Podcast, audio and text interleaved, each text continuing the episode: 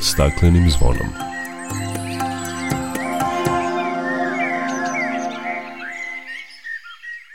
Dobar dan i dobrodošli na Zeleni talas prvog programa radija Radio Televizija Vojvodine. Ja sam Dragana Ratković.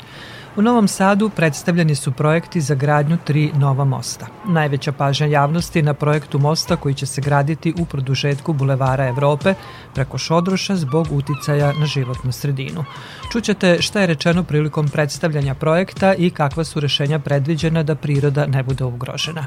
Govorit ćemo o postavljanju reciklomata, pametnih mašina za prikupljanje ambalažnog otpada u Novom Sadu, o novoj opremi za sakupljanje otpada u Zrenjaninu, o rezultatima sakupljanja i reciklaži posebnih tokova otpada. Biće reči i o međunarodnom zimskom popisu ptica vodenih staništa koji je u toku, kao i o dobitniku prestižnog priznanja za očuvanje prirode Wolfgang Stab, Laslu Galambošu iz Pokrinjskog zavoda za zaštitu prirode. O svemu tome nakon pozdravne pesme. Dok priroda kraj nas plače, za vladarskim svojim tronom. Tužno vele narikače pod staklenim nismo zvonom. Znaj vazduha više nema Sve manje je i ozona. Protiv sebe ide čovek i to često bez pardona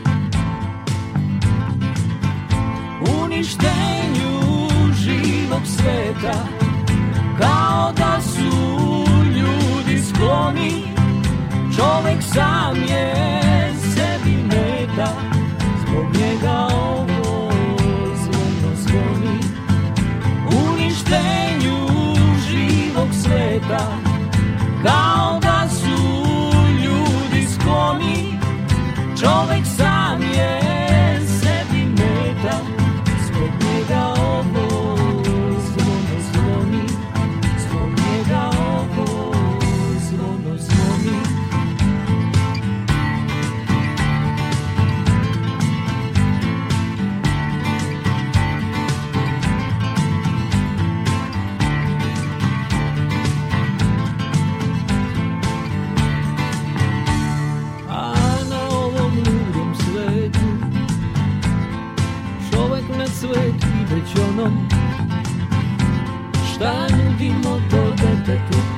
od stakleni kad smo zvonom Uništenju živog sveta. Kao da su ljudi skloni Čovek sam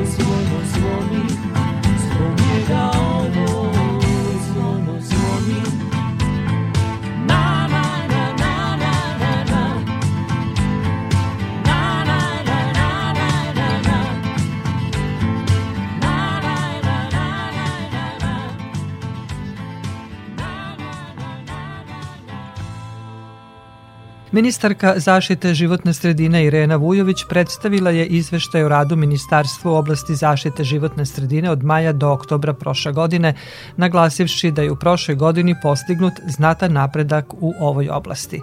Ona je na sednici odbora za zaštitu životne sredine izjavila da su u drugom kvartalu usvojene uredbe o proglašenju predela izuzetnih odlika stolovi, željen kao i izmeni dopune pravilnika o ograničenjima i zabranama proizvodnje, stavljanja u promet i korišćenja hemikalija, a usvojen je i akcioni plan za sprovođenje programa upravljanja otpadom u Srbiji za period od 2022. do 2024. Samo u drugom kvartalu Republička inspekcija je obavila 711 inspekcijskih pregleda i donela 63 rešenja, a podneto je i šest zahteva za pokretanje prekršenog postupka i pet prijava za privredni prestup, rekla je Vujovićeva. Započeto je sprovođenje akcije čišćenja divljih deponija u 34 jedinice lokalne samouprave samouprave. Ministarka je zaključila da je u njenom resoru učinjeno dosta, ali da je potrebno nastaviti takve aktivnosti zbog čega je pozvala predstavnike lokalnih samouprava da pripreme projekte za konkurs koji će uskoro biti objavljen.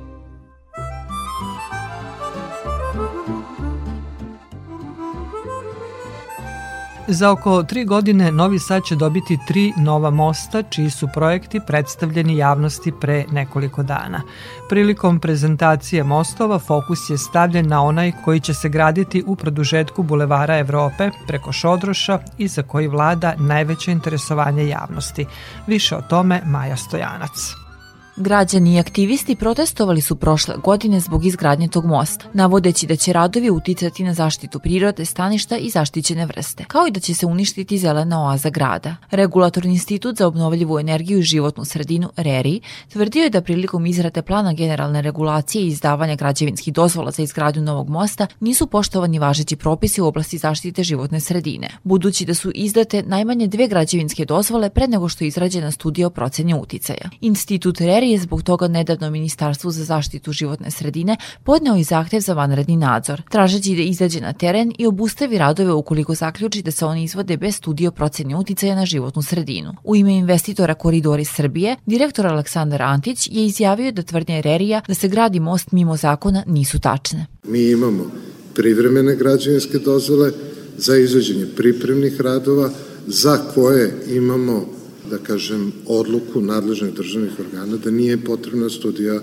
uticaja. Studija uticaja na životnu sredinu je potrebna u fazi izvođenja trajnih radova na izgradnji mosta. Koridori Srbije dostavili su nadležno ministarstvo studiju o proceni uticaja na životnu sredinu i sada čekamo odgovor, dodao je Antić. Državna sekretarka u Ministarstvu za zaštitu životne sredine Sara Pavkov potvrdila je da se studija Koridora Srbije nalazi u ministarstvu na proveri, nakon čega će ministarstvo odlučiti da li će dati saglasnost. Prema njenim rečima, Ministarstvo za zaštitu životne sredine aktivno je uključeno u plan izgradnje mosta, u skladu sa zakonom o proceni uticaja i ratifikovanom Benskom Ženevskom konvencijom. Reč je, kako kaže, o izuzetno važnom projektu, ne samo za Novi Sad, pokrajinu i Republiku, već i za Ministarstvo zaštite životne sredine. Zbog toga se težilo da se pronaće kompromis između potrebne urbanizacije i zaštite životne sredine, te su izrađene smernice kako bi se zaštitila priroda šodroša. Smernice sa konkretnim merama i aktivnostima koje će definitivno uticati na poboljšanje zaštite životne sredine i tekako će uticati na dva staništa koja su i predmet procene uticaja na životnu sredinu, a to su staništa koje su po prvi put i upisana u generalni urbanistički plan. Verujem da je izuzetno značajan momentum po pitanju ovog projekta za sve one koji žele da imaju bolji kvalitet e, života u Novom Sadu, ali za sve one koji se intenzivno, da li iz hobija ili stručno bave oblašću zaštite životne sredine, pogotovo za one koji su odrasli u kraju koji se zove Šodroš, a ja sam jedna od njih. Smernicama za očuvanje životne sredine predviđeno je povećanje zelenila, a kako je navedeno, izvođenje radova neće ni na koji način ugroziti biljni životinski svet na obalama Dunava, dodaje rukovodilac tima za izradu smernica Saša Orlović. Sadimo domaće autohtone vrste drveća i žbunja, po našoj proceni negde 10 do 20.000 sadnica na celom prostoru. Unapređujemo stanište za ptice, vodozence, gmizavce i insekte. Ideja je da se kontrolisanom gradnjom mosta u nastavku Bulevara Evrope preko Šodroša očuva priroda, unapredi zeleni fond grada i uredi obala, kaže Saša Orlović. Sick and tired of being sick and tired. Had as much of you as I can take. I'm so done, so over being afraid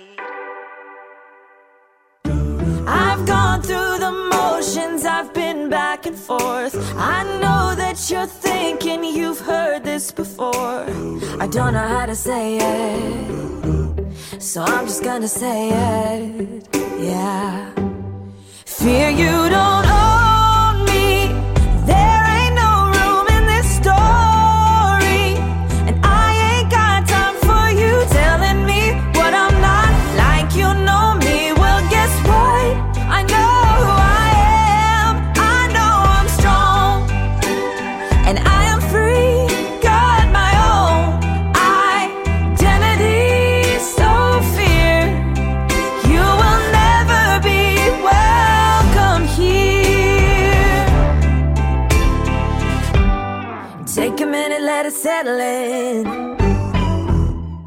probably never saw it coming.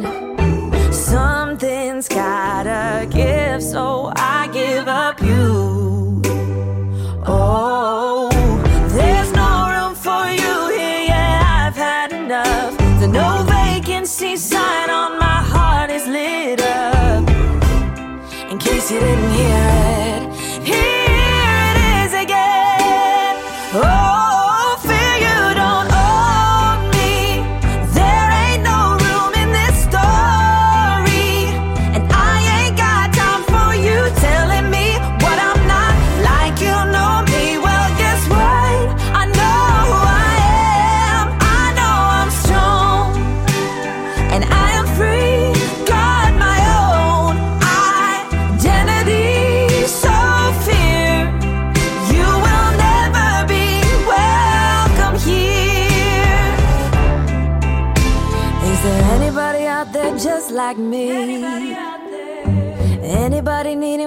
fear to leave? If you don't know how to say it, sing along with me. Sing fear you don't own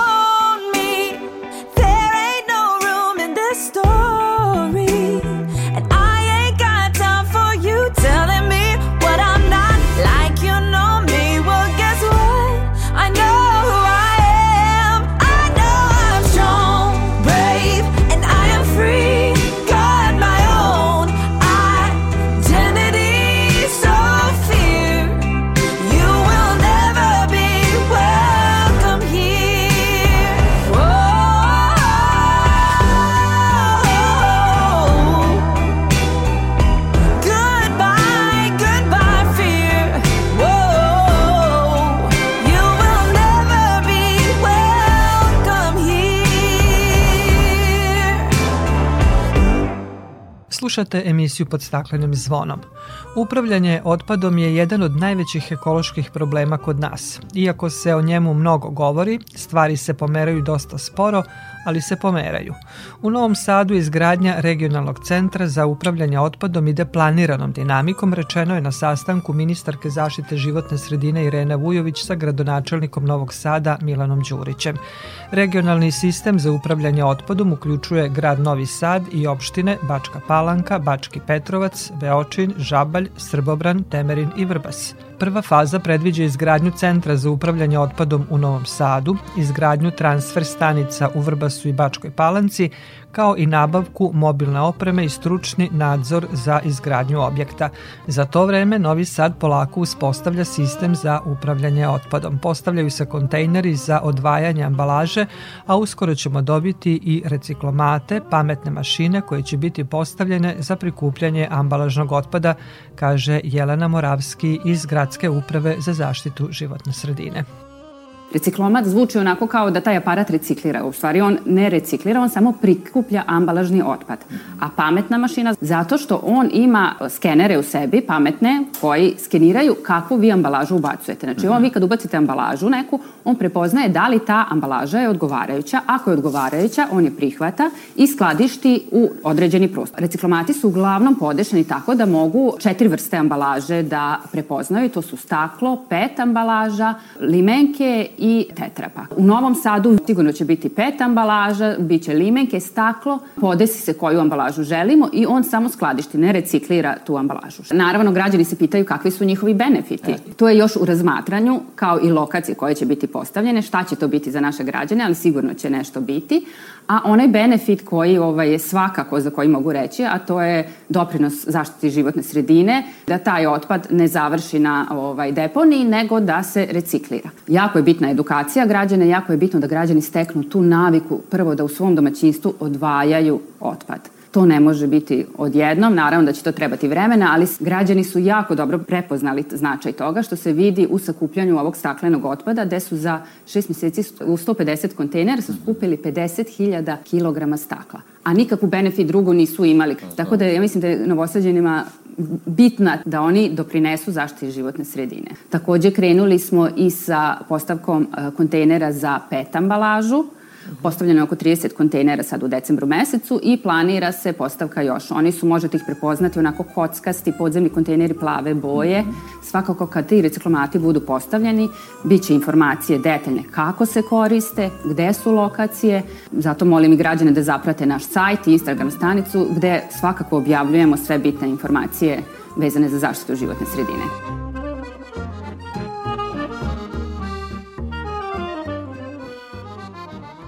A u je na osnovu konkursa Pokrajinskog sekretarijata za zaštitu životne sredine stigla nova oprema za sakupljanje i reciklažu otpada.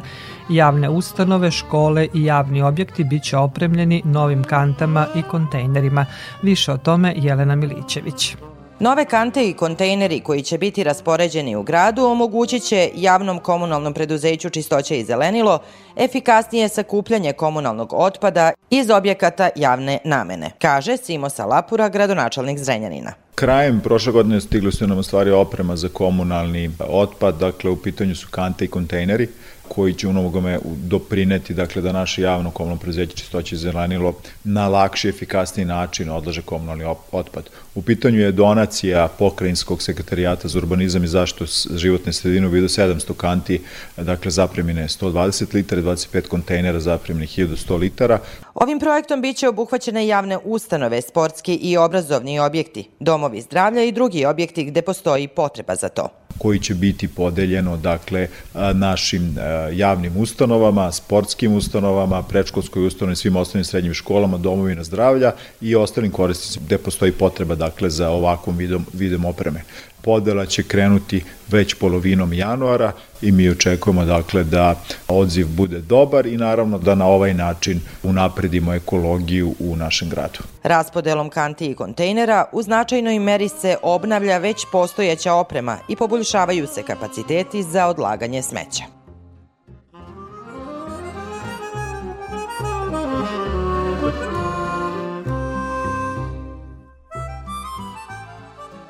Slušate emisiju pod staklenim zvonom. Kada je reč o upravljanju otpadom, čuli ste, stvari se polako pomeraju, ali i dalje više od polovine otpada završi na nestanitarnim deponijama na kojima se baca sve i svašta.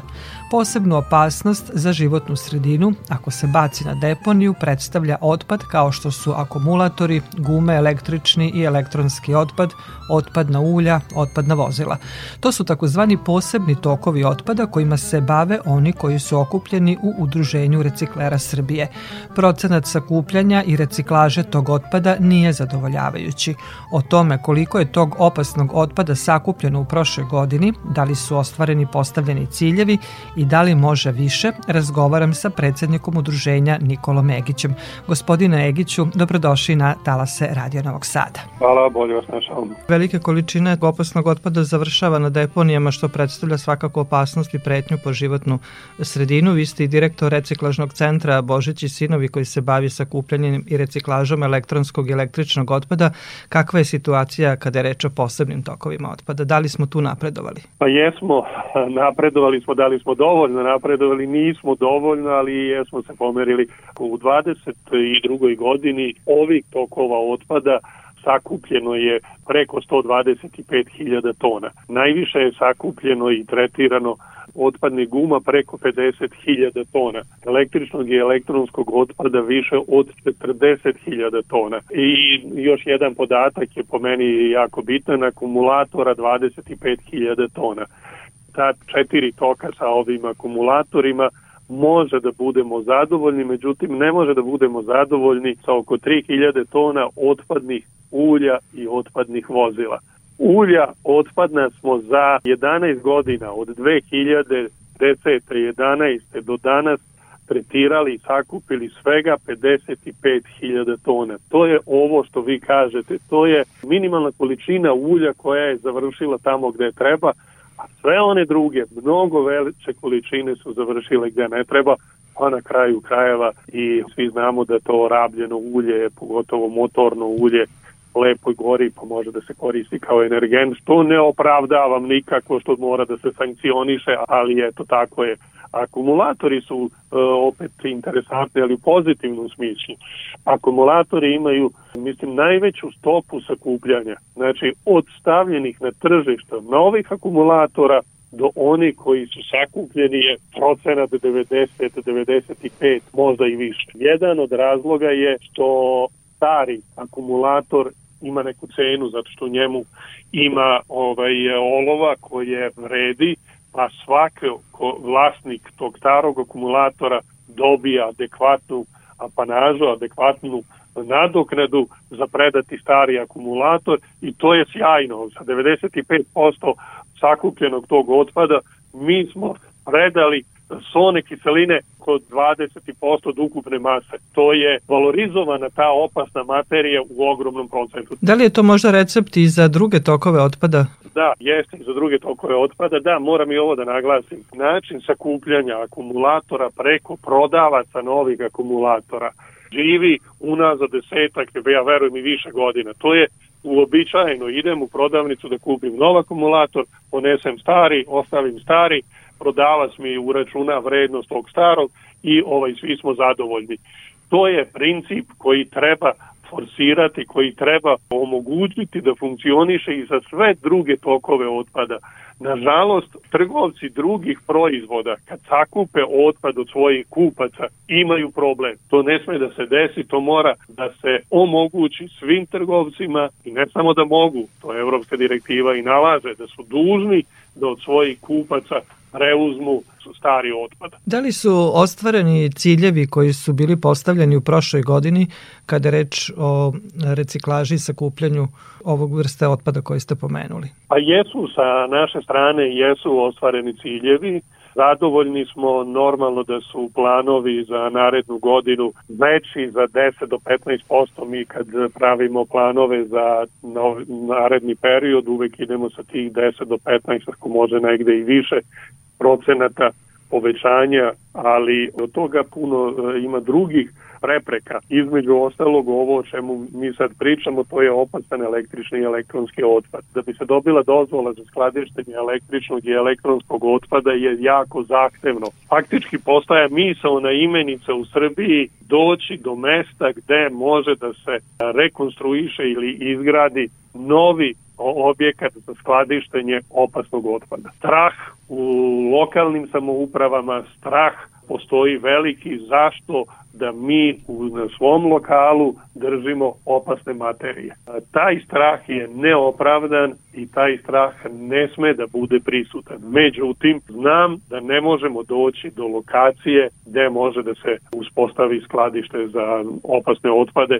Informacije o lokaciji da su toliko pojedinačne i redke gde kaže može ovde da se otvori skladište za opasan otpad. Neverovatno. Kako te stvari uskladiti, kako uskladiti trgovce, dati im obavezu i pravo da mogu da sakupljaju otpad, a da im ne treba dozvole za skladištenjem, se oni ne bave skladištenjem otpada, a opet nama, operaterima, kako da dođemo do mesta gde možemo da upriličimo skladište za sakupljanje i skladištanje tih otpada. Da, niko ne želi opasan otpad u svom dvorištu i zbog toga se i građani e, jako bune, a znamo da to pitanje moramo rešiti jer predstavlja veliku opasnost i po životnu sredinu i zdravlje, i zdravlje ljudi. Tako je, to je permanentan problem od kad e, radim i od kad se time bavim, to je ovaj to je prisutno, a što se zakona i direktiva i obaveza tiče našim podzakonskim aktom je definisano da cilj odvojenog sakupljanja otpadne opreme iz domaćinstva iznosi 4 kg po stanovniku do 31.12.2019. godine. Ta 2019. godina je davno prošla, pre tri godine. Mi nismo usaglasili naš podzakonski akt. Nadam se da ćemo uspeti to da uradimo, a evropska direktiva opet kaže da je od 2019. godine te kritične koju, smo mi uzeli kao repernu, kao krajnju, a oni normalno idu i dalje, kaže treba postići da na godišnjom nivou iznosi 65 procenata prosečne mase EE opreme stavljene na tržište. Šta to znači? Nova oprema stavljena na tržište tokom kalendarske godine pa 65% je obavezno da sakupimo otpada e, te vrste. Kako da sakupimo, ja se pitam ako nemamo definisane kanale, ako nemamo mogućnosti da otvorimo skladište, ako nemamo mogućnosti da priđemo fizičkom licu da preuzmemo od njega opasan električan i elektronski otpad. To je veliki problem. I dan danas imamo neformalne sakupljače koji prolaze ulicama i gradovima i svuda i sakupljaju otpad. Nije ni to loše, ali to nije pravo rešenje. Da, to nije rešenje, ali moramo biti svesni da upravljanje otpadom košta i da ako želimo da se otpadom bavimo na odgovarajući način, zato moramo biti spremni da platimo. Uvek je nedostajao novac. Kakva je situacija sada? Pre nekoliko godina problem je bio što subvencije i nadoknade reciklerima nisu isplaćivane na vreme, što je otežavalo rad reciklerima. Kakva je sada situacija? Novca nikad dovoljno, novca treba za upravljanje otpadom, treba puno novca, pogotovo za te opasne otpade, zato i država i prepoznala potrebu, to je u stvari i evropski standard, da se dodatnim novcem sufinansira tretman ovih tokova otpada. Tako i kod nas u Srbiji kod nas to ide preko budžeta Republike Srbije. U prethodnim godinama smo imali ogromne probleme sa velikim kašnjenjem, sa osporavanjem novca koji smo ostvarili za razliku od evo sad puni godinu dana kako to funkcioniše na izuzetno prihvatljiv način. Na kvartalnom nivou se rade kontrole, provere, na kvartalnom nivou se rade obračuni, raspisuju se konkursi i mi se isplaćujemo na kraju svakog kvartala, nakon kvartala u roku možda do mesec dana ide ovaj isplata. To je izuzetno dobro da možemo da planiramo, da možemo da se razvijamo. A zašto mi trošimo taj novac koji pokrivamo troškove i nabavljamo opreme mašine te mašine koje mi nabavljamo, to nisu mašine koje smo ih mi ovde napravili, izmislili, to su mašine svetskih, evropskih proizvođača dizajnirane tako da ne smeju da prekrše e, referentne vrednosti emisija e, i ostale parametre koji su strogo definisani tako da te mašine koje mi kupujemo i sa kojima radimo su izuzetno sofisticirane, izuzetno precizne i one ne prave nikakvu štetu životnoj sredini i ljudima u okruženju za razliku ako otpad završi na neke, vi ste rekli, nesanitarne deponije, ja kažem, na smetištima gde nema ni folije, nema ni ničega, ako tamo završi ketriž od štampača ili kondenzator, bilo šta od toga, onda su problemi ozbiljni i treba se truditi da svi ti otpadi od broj 1 završe tamo gde im je mesto, gde može i država da kontroliše i da može da prati tok šta se dešava sa tim otpadom, brinuti otpad na pravo mesto, a onda tražiti ovaj rešenja kako da se ta priča kompletira, kako da se to ovaj završava i kako da idemo do cilja da da valorizujemo opasne materije i da ih izvezemo jer se u Srbiji ni jedna od opasnih materija nema na mogućnost tretmana. Gospodine Ekiću, hvala vam lepo za razgovor i učešće u programu Radio Novog Sada. Hvala vama, prijetno.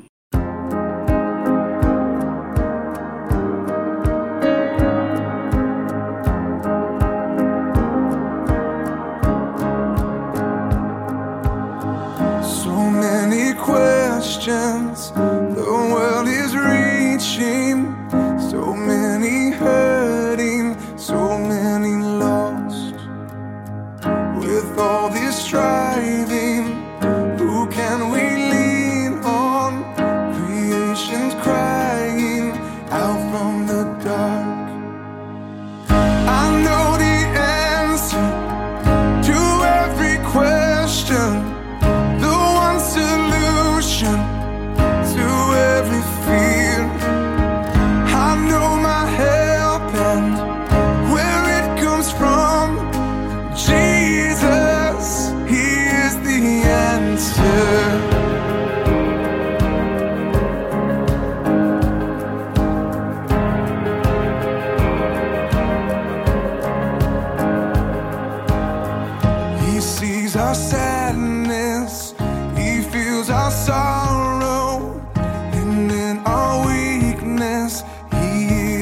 Oh.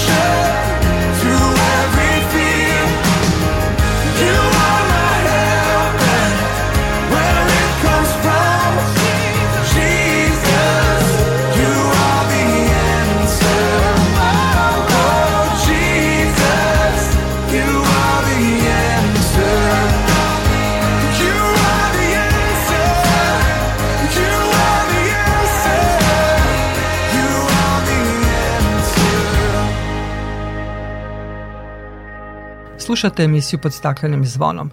Zbog lova nezakonitom zamkom i povređivanja mišara strogo zaštićene ptice grabljivice iz porodice jastrebova uhapšen je MN iz Šapca.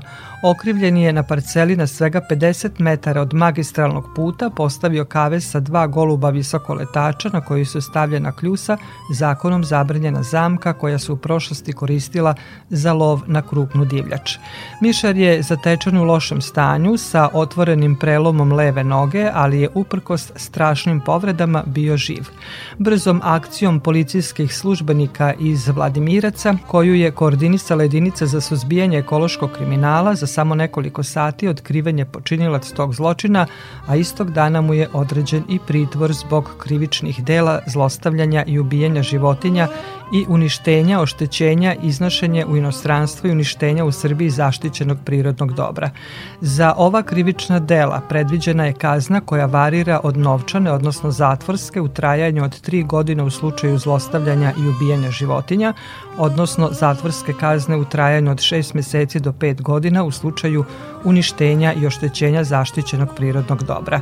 Mišar je nakon izvršenog policijskog uviđaja zbrinut u lokalnoj veterinarskoj ambulanti, a zatim je premešten u Beogradski zoološki vrt, gde je pod stalnim nadzorom biologa i veterinara.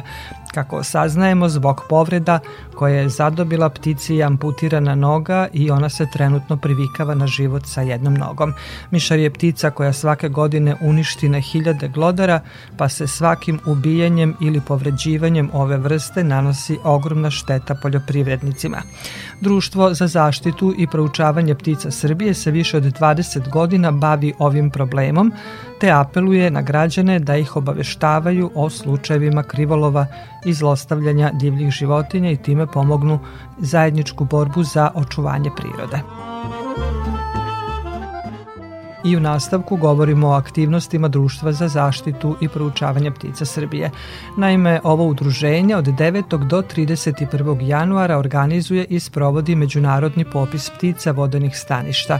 Reč je o najmasovnijoj i najstarijoj akciji praćenja brojnosti divljih ptica na svetu koja je započeta još davne 1966. godine. Ovo udruženje kod nas organizuje popis više od 10 godina. Tim povodom dobrodošlicu na talase Radio Novog Sada želim članu udruženja Urošu Stojiljkoviću. Uroše, od kakvog značaja je zimski popis ptica vodenih staništa i u koje svrhe se koriste dobijeni podaci? Ovom prilikom se zapravo posmatraju ptice vodenih staništa, ali se zapravo gleda nekako malo šira slika, ne samo e, brojnosti ptica, već e, i o tome kakva je situacija na terenu, da li ptice nešto ugrožava, kakve su bile vremenske prilike i zatim se ti podaci upoređuju i sa podacima koji smo dobijali prethodnih godina, ali se i upoređuju, pošto se radi o međunarodnom popisu ptica, sa podacima do koje dolaze kolege iz drugih susednih zemalja da bismo mogli nekako da steknemo širu sliku o tome šta se dešava sa pticama. Kažu da su ptice dobri indikatori stanja životne sredine. Na šta sve mogu da ukažu? Podaci koje dobijete? Ne mogu sad da vam kažem konkretno šta se dešava na terenu, pomalo stižu neke zanimljivosti. Evo, na primjer, kolega javio da je video čupastu njorku, čupastu patku dole negde na Vlasinskom jezeru, tako to su neke zanimljivosti ali prethodne godine smo, na primjer, imali kod Kladova na Dunavu par nalaza, mislim da je bilo šest u pitanju kudravih nesita, to je jedna vrsta pelikana, to su neke ptice koje mi uglavnom vezujemo za neke, da kaže, malo egzotičnije predele, ali zapravo to je ptica koja je u 19. veku kod nas bila gnezdarica. Onda je u 20. nekako istrebljena i nestala i sad odjednom se ponovo pojavljuje kod nas. Sa jedne strane naravno divna neka ornitološka zanimljivost, ali se postavlja pitanje da li je se radi o promeni klime, da li je otopljavanje, mi sad imamo jedno od najtoplijih zima u poslednjih godina. To su sve, da kažem, neki indikatori promena o kojima nam ptice govore. Takođe nam e, govori o degradaciji, da kažem, staništa, da li ih opterećuje krivolov, da li im smeta prevelika urbanizacija obala, e, mini hidroelektrane. Dakle, to su sve neke stvari o kojima nam ptice govore. Mi često kažemo ono što nije dobro za ptice, nije dobro ni za ljude. Tako da, ukoliko se dežavaju neke promene, pada brojnosti određene vrste u određenom području, onda treba ozbiljno da se zapitamo šta se tu dešava. Ono što je važno, još samo da napomenem, pošto se radi o vodenim staništima,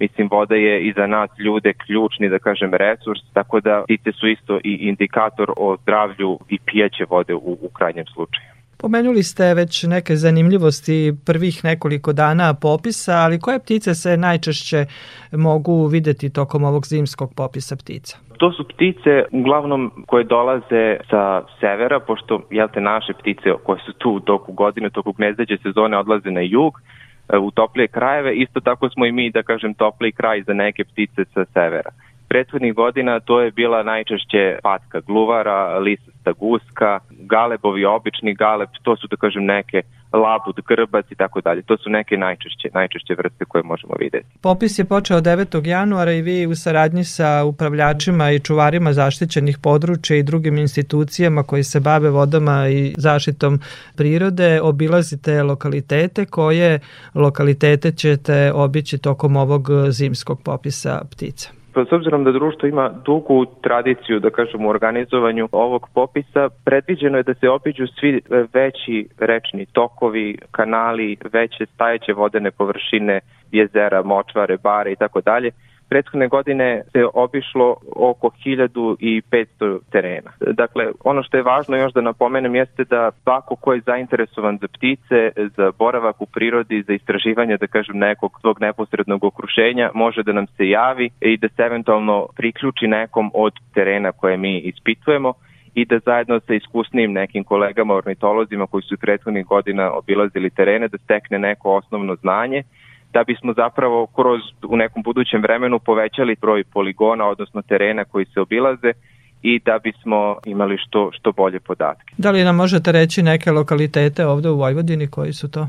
Vojvodina je tu da kažem ključna, gotovo svaka neka veća površina, Tisa, Tamiš, e, Dunav, razni ribnjaci takođe, tako da zaista, zaista ima puno lokaliteta. Ukoliko je neko zainteresovan, mi smo ove godine malo i unapredili, da kažem, obuku za naše popisivače. Napravili smo, da kažem, jedan kratak i jednostavan video kurs u kojem objašnjavamo kako zapravo teče taj popis. Kasnije dobijete i dva ilustrovana, da kažem, vodiča o tome kako se vrši zimski popis ptica i dobijete tačan spisak lokacija koje treba obići, ali naravno ukoliko neko želi i određenu, da kažem, lokaciju koja nije već predviđena, vrlo rado ćemo, da kažem, i, i, i to dodati na naš spis. Koliko sada imate ljudi na terenu? Društvo ima, kad je u pitanju zimski popis ptica, od 150 do 200 nekih prethodnih godina je bilo, pretpostavljam da će tako biti i ove godine, nekih stalnih saradnika, volontera i tako dalje. E sad, s obzirom da je zima dosta blaga, da nema toliko ometajućih faktora kao prethodne godine kad su reke ledile, padao sneg i tako dalje, nadam se da će taj broj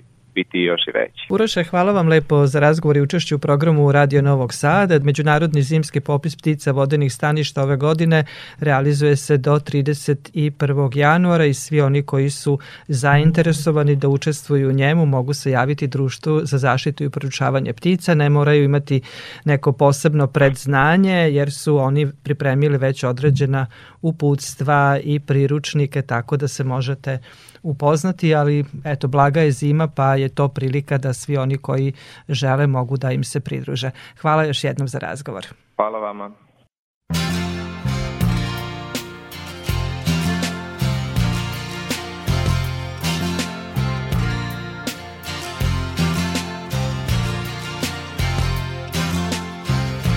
Time marches on, time stands still, time on my hands, time to kill.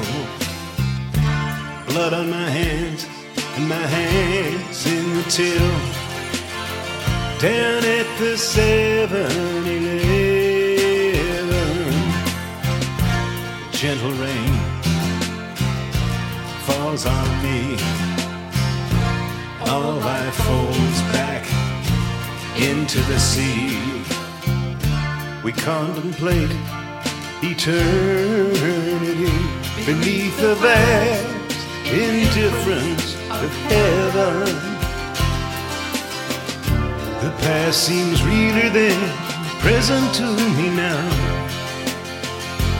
I've got memories to last me when the sky is gray, gray is today. I remember the times when I was happy.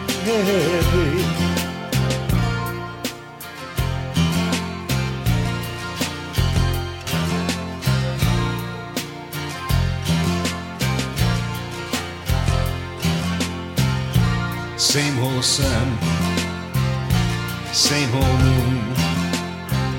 It's the same old story, same old tune. They all say, someday soon, my sins will all be forgiven. The gentle rain falls on me, and all life falls back into the sea we contemplate eternity beneath the vast indifference of heaven.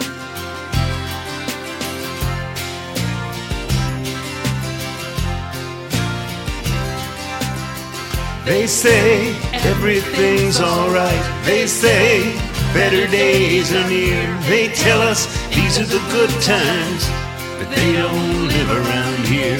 Billy and Christy don't, and Bruce and Patty don't. They don't live around here.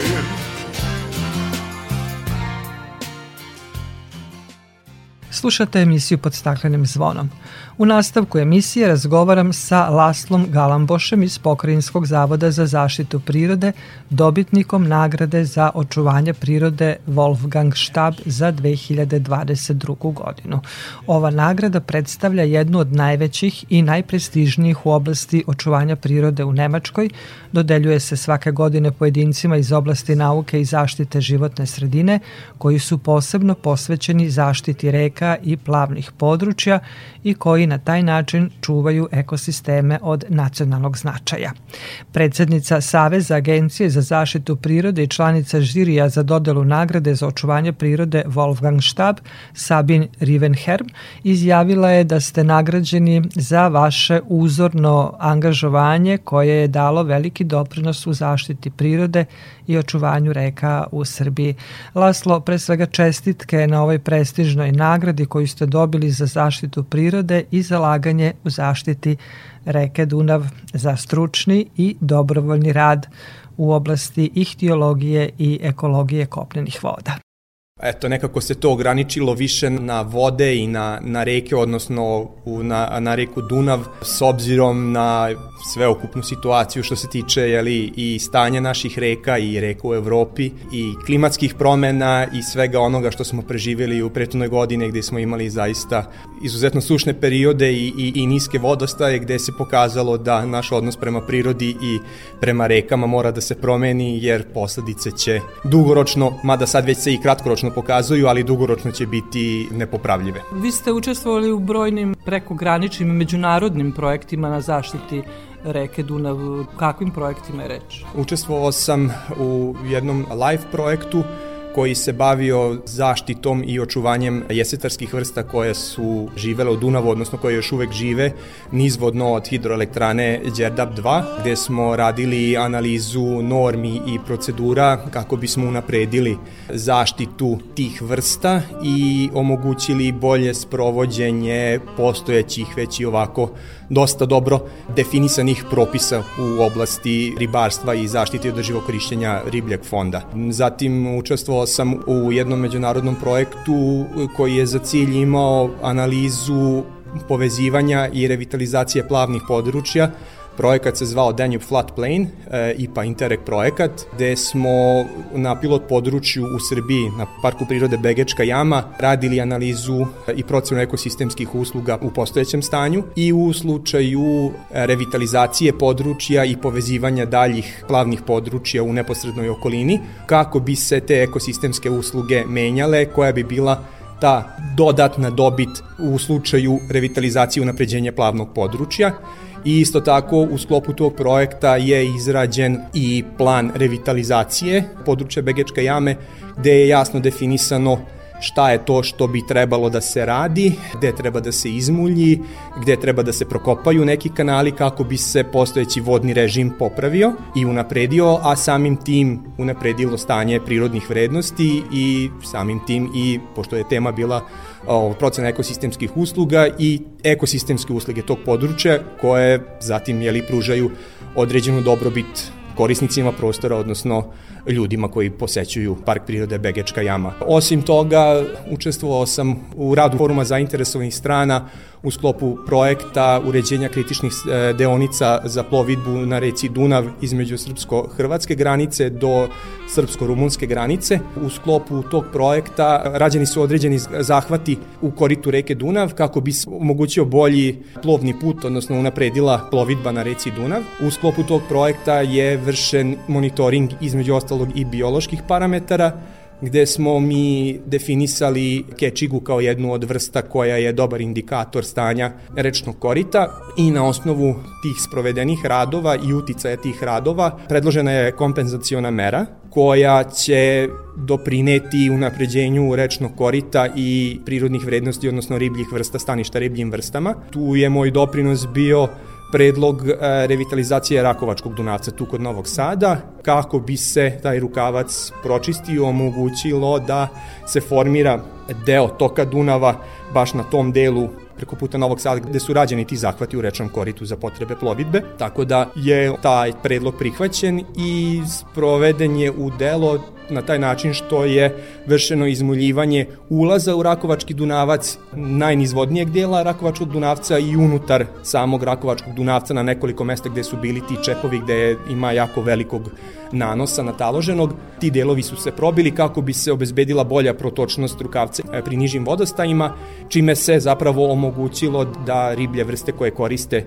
taj potez Dunava imale alternativni deo gde mogu da prolaze, a da imaju neizmenjeno prirodno stanje, jer je li na toj deonici baš Dunava tu kod Novog Sada, sa jedne strane je vikend naselje Kamenjar, obala je nasuta u dobroj meri sa, sa, sa, sa kamenom da bi se stabilizovala, ima jako velike uzurpacije zbog izgradnje vikend naselja, s druge strane tamo su već izgrađene tri hidrograđevine, tri T napera, i kao nastavak izgrađeni su jedan ševron i jedan neukorenjen naper, tako da je i ta desna obala Dunava u značajnoj meri izmenjena. Tako da je taj predlog za revitalizaciju, odnosno za izmuljivanje Rakovačkog Dunavca predstavlja meru koja će obezbediti ipak jedan deo toka Dunava koji je prirodan, gde obala nije izmenjena, gde postoje i procesi erozije, gde ima prirodne vegetacije, gde nema toliko intenzivne ljudske aktivnosti, tako da smo s provođenjem te revitalizacije doprineli unapređenju ovaj prirodnih staništa i u koritu reke Dunav. Dakle, vaše angažovanje uglavnom se odnosi na zaštitu reke Dunav, rekli ste zaštitu prirode ili zaštitu reke Dunav, pošto imate jedno veliko iskustvo. Koji su to problemi kad je reč o našem delu Dunava? To bi bili prvenstveno uticaji ljudskog društva. Prvenstveno je najznačajniji ugrožavajući faktor je zagađivanje. Mi, nažalost, još uvek nismo došli do tog stepena razvijenosti da imamo prečistače ovaj, komunalnih i industrijskih otpadnih voda. Uz neko minimalno prečišćavanje te vode se direktno upuštaju u recipijente, u, u, u, u naše vodotoke, čime mi doprinosimo velikom zagađenju i opterećenju jedne međunarodne reke koja u našu zemlju ulazi bukvalno sa minimalnim opterećenjem organskim materijama. Osim toga imamo problem i invazivnih vrsta koje su se raširile upravo usled ljudske aktivnosti. Govorim prvenstveno o invazivnim i stranim e, ribljim vrstama koje su kompetitori našim, e, našim autohtonim vrstama. Svi smo čuli za amura, za tostolobika, za babušku, za, za, za cverglanu, odnosno patodestog američkog somića. Oni su i kompetitori i za ishranu, i za, za mesto za mrest, i za životni prostor našim autohtonim vrstama i one su mnogo otpornije na sve moguće disturbacije u odnosu na naše vrste koje su tu prirodno rasprostranjene. Imamo problem i nekontrolisanog uređenja rečnog korita na nekim delovima gde svako ko misli kako treba nasipa obalu, prokopava obalu.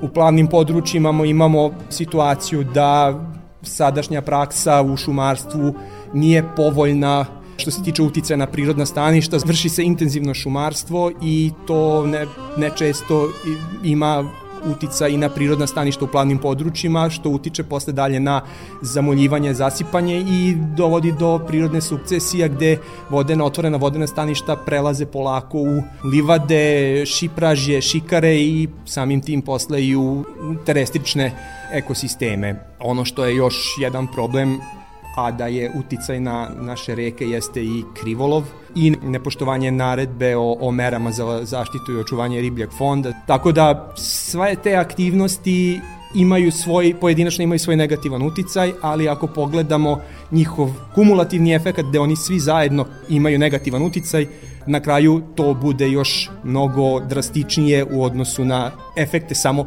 pojedinih tih ugrožavajućih faktora, a ako to sve stavimo u kontekst klimatskih promena, globalnog zagrevanja, spomenuo sam ovu godinu gde smo zaista imali veoma sušne periode sa vrlo niskim vodostajem, u tim slučajevima može doći i do pomora, može doći i do zagađivanja ne samo površinskih voda, nego i podzemnih voda, a mi kao ljudsko društvo, pogotovo mi novoseđeni, zavisimo od te dunavske vode, odnosno podzemnih voda, odakle se snabdevamo pijaćom vodom, tako da moramo dosta dobro da, da sagledamo problematiku i da odlučimo da ipak promene treba da krenu od nas, jer i mi možemo doprineti i kao pojedinci smanjenju tih pritisaka na prirodu i na naše reke. Nadamo se da će uskoro Novi Sad dobiti prečistač otpadnih voda, ali šta mi kao pojedinci možemo da učinimo da bi zaštitili naše reke, Dunav, naše vodotokove? Evo vi ste za svoje angažovanje i nagrađeni jednom prestižnom nagradom u Nemačkoj. Svako može da da svoj lični doprinos, bilo kroz neki, neki lični primer, počev od najbanalnijih stvari, šta je to što kupujemo, pa samim tim ispuštamo kroz naše otpadne vode, šta je to što mi kao ribolovci možemo da uradimo u smislu poštovanja propisa, možemo doprineti i jačanju svesti, mi smo ti koji treba da budemo glasni, jer pojedinac može neke stvari da uradi, ali kad više pojedinaca se skupi na jednom mestu, kad postoji neka inicijativa e, ili kao udruženja građana ili kao nevladinih organizacija, tu jeste prednost društva i pojedinaca u grupi. Hvala još jednom i sve čestitke za nagradu sa željom da i dalje nastavite rad na očuvanju prirode i zaštite reke Dunav. Zahvaljujem. Toliko u ovom izdanju emisije pod staklenim zvonom koju možete slušati i odloženo na podcastu Radio Televizije Vojvodine na adresi rtv.rs. Sa vama su bili Jovan Gajić, Zoran Gajinov i Dragana Ratković. Naredni susret zakazujemo za sedam dana u isto vreme na zelenom talasu prvog programa radija Radio Televizije Vojvodine. Many years ago, he looked out through a glassless window. Could see was Babylon. Beautiful green fields and dreams, and learned to measure the stars.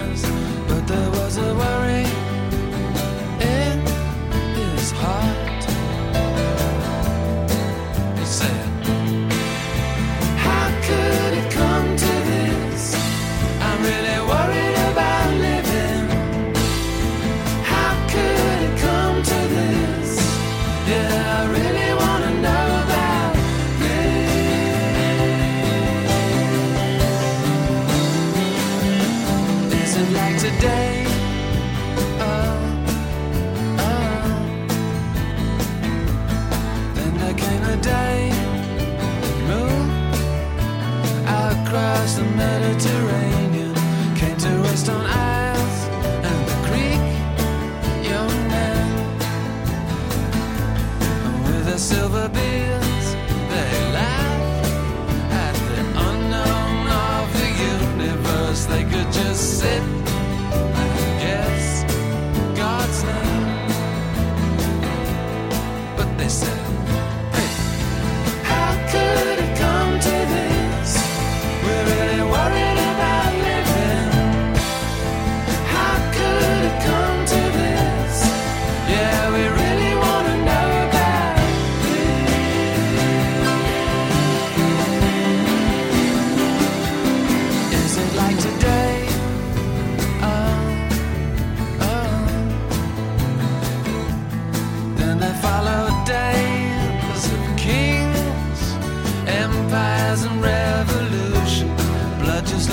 Same